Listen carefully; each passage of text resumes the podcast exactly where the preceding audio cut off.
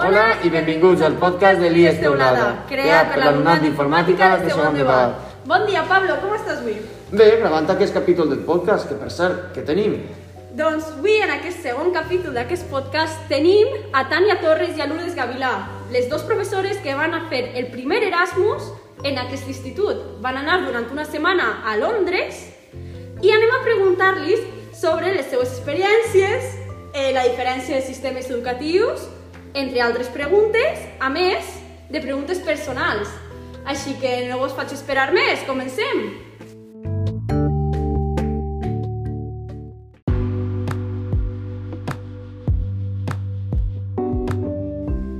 Doncs avui, en aquesta entrevista, tenim a Tània i Lourdes i per a començar-la m'agradaria que explicareu qui és Tània i qui és Lourdes. Bueno, pues jo sóc Tània, professora de l'IES, eh, dona Economia, eh, professora d'Economia, i la coordinadora d'Igualtat. Hola, jo sóc Lourdes i sóc professora de música sí, a l'IES Teulada. Un dels punts més importants d'aquesta entrevista era preguntar-vos sobre l'Erasmus, així que voldríem que s'explicareu un poquet què és aquest Erasmus. Bueno, pues l'Erasmus, com ja saben totes i tots, és un programa d'intercanvi que en este cas, així en l'institut, eh, som els professors i les professores els que anem i tornem en bueno, un programa d'intercanvi internacional, que anem i tornem de diversos països per a, entre altres, fer cursos i shadowings. Eh, anirem a... Bueno, ja hem anat a Londres, a Regne Unit, anirem a Alemanya, a França, Dinamarca, Suècia, entre altres països, i en alguns d'ells farem el shadowing, que podríem dir que seria com eh, anar a aprendre tot el que es fa en aquest país, concretament en l'institut que anirem, i portar-ho així a l'IES Teulada. Què, què anem a portar? Pues el que hem après en quant a metodologies, en quant a eh, formes de procedir, en quant a l'estructura de l'institut en si, entre altres cosetes. En quant als cursos que anem a fer, que eh, van a tractar principalment sobre la coeducació, eh, bueno, pues això, seran cursos, ¿vale? ja ho he dit, seran cursos. Val, doncs ara m'agradaria que em diguereu les diferències del nostre sistema educatiu amb el d'allí i què canviaríeu del nostre veient totes les possibilitats que donen allí o, en canvi, les possibilitats que tenim així que allí no tenen. També podeu explicar això. Molt bé, nosaltres vam visitar dos centres educatius. El Lister Community School, que és un centre, que era el nostre centre de referència, allí tenen, eh, bueno, va, acudixen els alumnes des del que seria així sisè de primària fins quart d'ESO. Per tant, aquesta seria la primera diferència, que comencen a, a lo que seria un institut així un any antes. I després també vam visitar el Newham Center, que és un, un centre educatiu de batxillerat en l'especialitat de ciències. Eh, les diferències que hi ha respecte a sí pues seria, per exemple, l'organització, no? començant, per exemple, en els horaris, ja que són horaris molt extensos, acabem per la vesprada. Després també s'organitza, hi ha molts càrrecs en el centre, hi ha molta, eh, molta gent eh, que està enfocada o encarregada de diferents punts o de diferents tasques dins del centre. No? Treballen com si, digués, com si diguérem com una, una escola privada. També, tenint en compte que aquests dos centres estaven a- de les zones més pobres de la ciutat, pues una de les coses que hi ha és que els alumnes acudixen en uniforme, no? Això per quina raó? Doncs perquè com eh, és una zona on hi ha molta gent amb, eh, en el tema econòmic doncs tenen eh, algunes dificultats, D'aquesta manera, l'alumnat va, tots vesteixen igual, no hi ha diferències entre ells i, per tant, sí que, sí que eh, veus una, una uniformitat en aquest sentit. Què canviarien del nostre? Pues allí el que vam veure és que, per exemple, hi ha moltes ajudes pel tema d'inclusió en quant a alumnes amb necessitats especials, que pues, bueno, pues, des de eh, material pedagògic fins màquines no, per a moure-los físicament, etc. I sobretot també una major dotació de material. Val? Això no depèn de nosaltres ni del centre, sinó ve de, de més amunt. Però bueno, allí el que vam veure és que, per exemple, en batxillerat treballen principalment en tablets. No? I aleshores és com adaptar les noves tecnologies a l'aprenentatge, que al final és el que avui en dia tot el món portem damunt, un mòbil, una tablet, etc.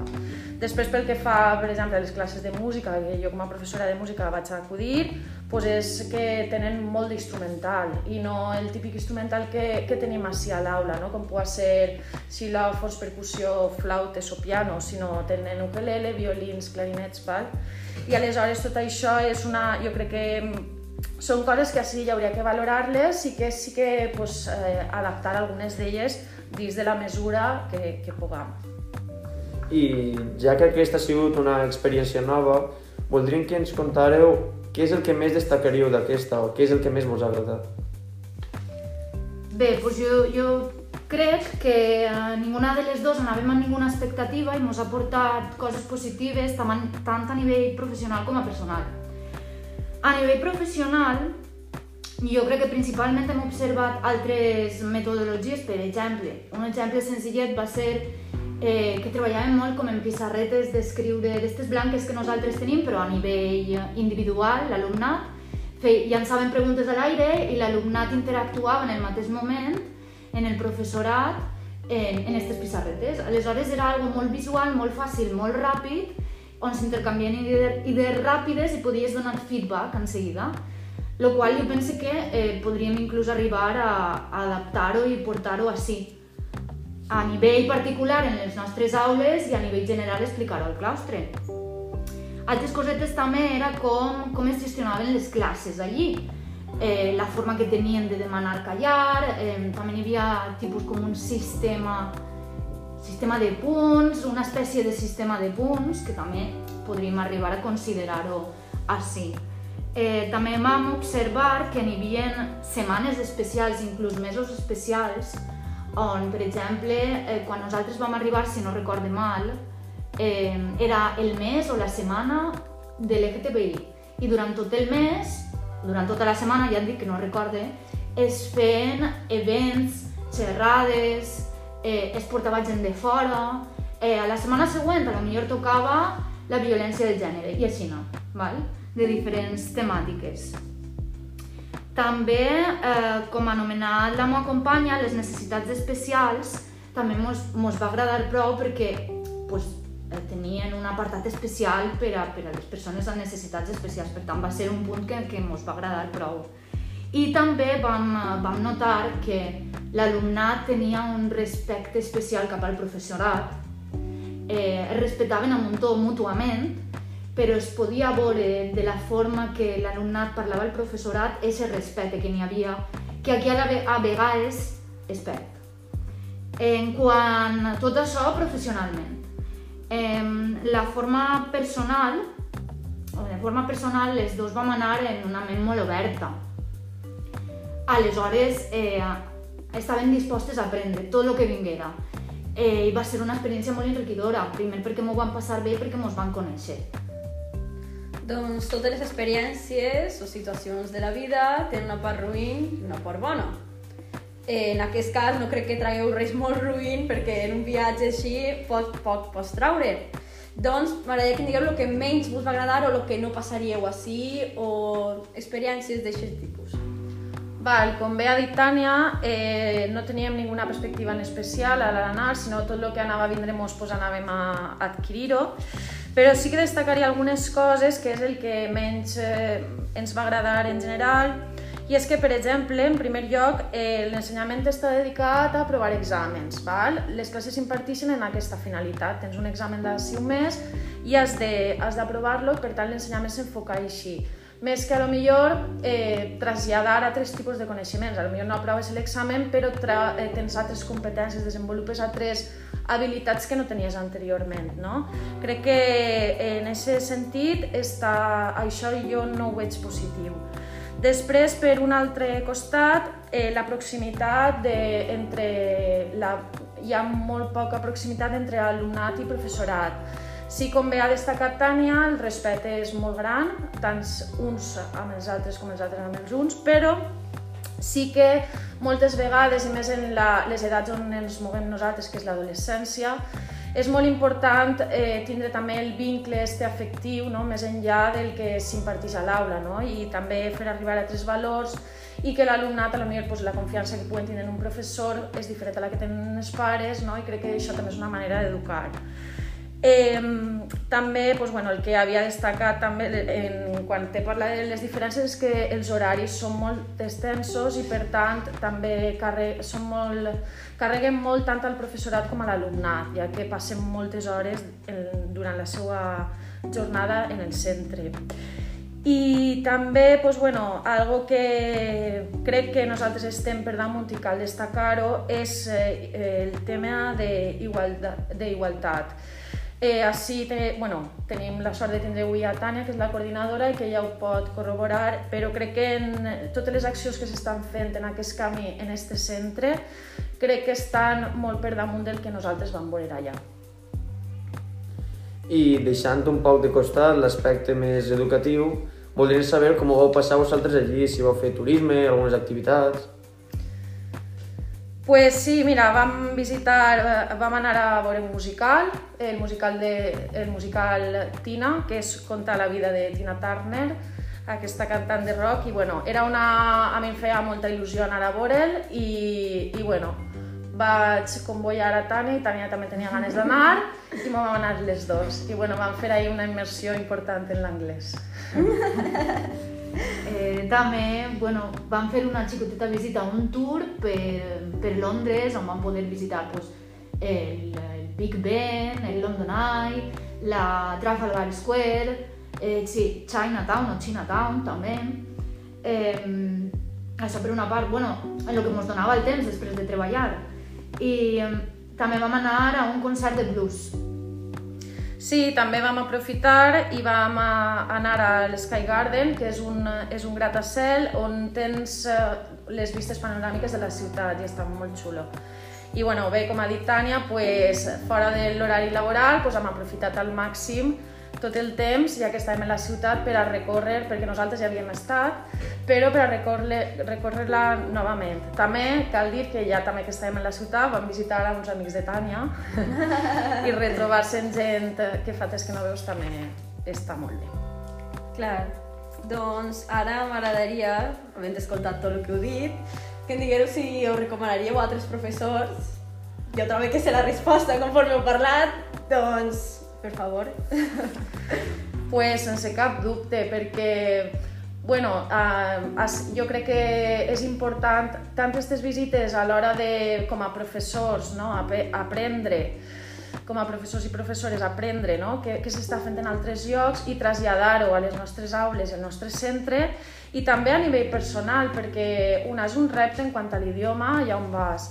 L'altra, també anar amb una companya, una companya, eh, coneixes aquesta persona fora de l'àmbit laboral. Clar, nosaltres vam estar convivint una setmana, així coneixes a la gent, no? Però no, no, no tens el tracte este tan estret com pots tindre quan estàs fora i ho vam passar molt bé, per mi és un descobriment tant aquesta experiència com la meva companya de viatge i, i clar que ho recomanaria a tots i, i totes les que puguen fer-ho. Jo crec que no tinc més que afegir, ja ho ha dit, ja ho ha dit ella. Estic totalment d'acord en el que ha dit, tant a nivell professional per a descobrir noves coses com a nivell personal també per a conèixer-nos. Mm. Ja per acabar, que aquesta és l'última pregunta, voldríem que ens contareu alguna anècdota divertida que us hagi passat mentre estàveu allí. Eh, jo crec que a lo millor ara quan ho contem així pues no tindrà tanta gràcia, però en el moment vos promet que mos caien les llàgrimes. Eh, en teoria van ser diagnosticades com a contacte positiu estret. Sí, un contacte positiu, no, nosaltres en contacte estret, en teoria. I bueno, allí són molt serios i seris, estàvem en un, en un claustre i van rebre la notícia i Sí, ens va arribar un missatge al mòbil a les dues, de repente, en principi, en principi no pensàvem que era una broma. Però després ja vam veure que era de sanitat d'allà i tal, i clar, eh, ens arribava un missatge de que havia sigut contacte estret d'un positiu Covid. Ahir la normativa que tenien en aquell moment era que quan arribaves al, a, al país a les, als dos dies t'havies de fer un antígens, nosaltres van donar negatives, les dos. A més, mos havien cuidat i tot i, i sabien que no anàvem a donar positiu. Però clar, mos arriba la notificació i clar, nosaltres mos quedem miramos, però si havien donat negatiu, havien donat... Bueno, es veu que era algú de l'avió no, que havia donat positiu. Clar, però la situació és que estàvem en un claustre, allí són super seriosos, estem tots allà en silenci escoltant i tal, i, i nosaltres que ens arriba la notificació, clar, ens vam posar blanques i comencem, vinga la llàgrima i vinga a, a riure. I aquí miramos dient, aquestes persones deuen anar així. I nosaltres, ai, que mos tenen que confinar 10 dies. I clar, allí era, el confinament eren 10 dies tancat en l'habitació de l'hotel i jo, ai, que no podem anar a cada puesto. Ai, esa nit teníem el musical, per cert. I, era I jo, ai, la il·lusió que em feia. Sí, I, i cridant, bueno, el meu amic cridant a José Miguel, què digueu, què digueu, José Miguel, el director, què digueu? Nosaltres, ay, que a lo mejor hemos tenido que confinar. Un susto, bueno, total, que van dir, bueno, vamos a tener el dia en paz, vam arribar a l'hotel i ja ho vam mirar tranquil·lament i, bueno, havien de fer un seguiment i tal, però no mos tenien que confinar, però clar, quan mos arriba el missatge, pues vinga la risa les dos allí. I això va ser molt graciós, la veritat és que Un bon susto. un bon Sempre. susto i una anècdota per recordar. Sí. Doncs moltes gràcies per contestar les nostres preguntes i per participar, però abans d'acabar m'agradaria comentar la, lo que ens ha passat antes de gravar aquest podcast, perquè no és el primer que gravem, o que no, Pablo? No, no, Jo no volia contar l'anècdota, però ja que ho conteu vosaltres... No, jo pensava que ens salvava, però bueno, no, igual.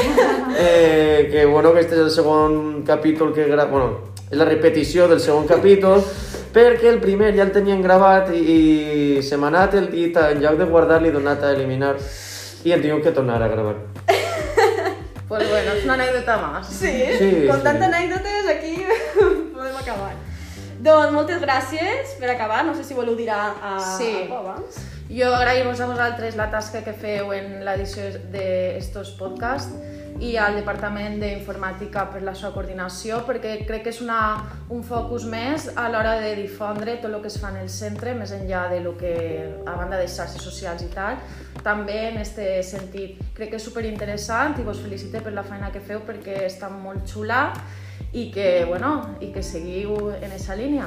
Doncs moltes gràcies i ara que has mencionat això m'agradaria dir que no estem només Pablo i jo aquí fent el podcast. Tenim un grup darrere sinó nostre. tenim un grup darrere nostre que són tots els, tot l'alumnat de- d'informàtica de, segon de BAT I el que, i el professor Paco Valera que ens ajuden a editar i ens apoyen en fent el guió, ens recolzen fent el guió i fent més coses Sí. perquè vosaltres tingueu la facilitat d'entrevistar els professors o l'alumnat o a qui vinga.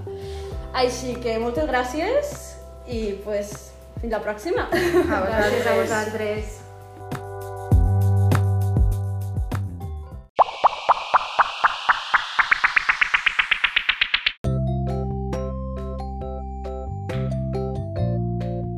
Fins així el segon capítol del podcast. Recordeu que podeu aportar idees en les nostres xarxes socials que us deixem en les notes del podcast. Esperem que us hagi agradat i compartiu amb els vostres amics. Fins, la pròxima!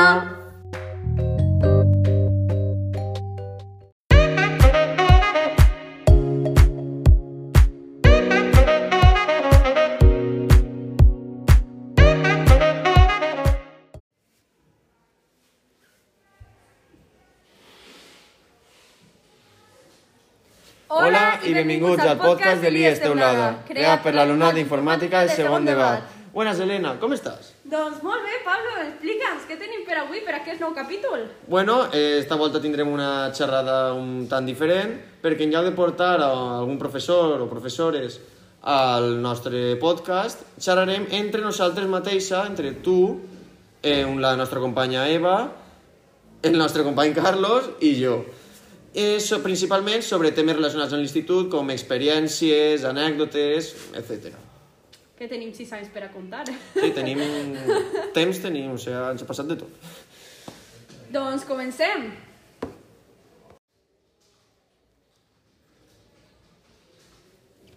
Fins així aquest podcast. Recordeu que podeu aportar idees sobre de què anem a parlar en el pròxim podcast o si voleu una entrevista, una xerrada com la d'aquest capítol, en les xarxes socials que us deixarem en les notes del podcast.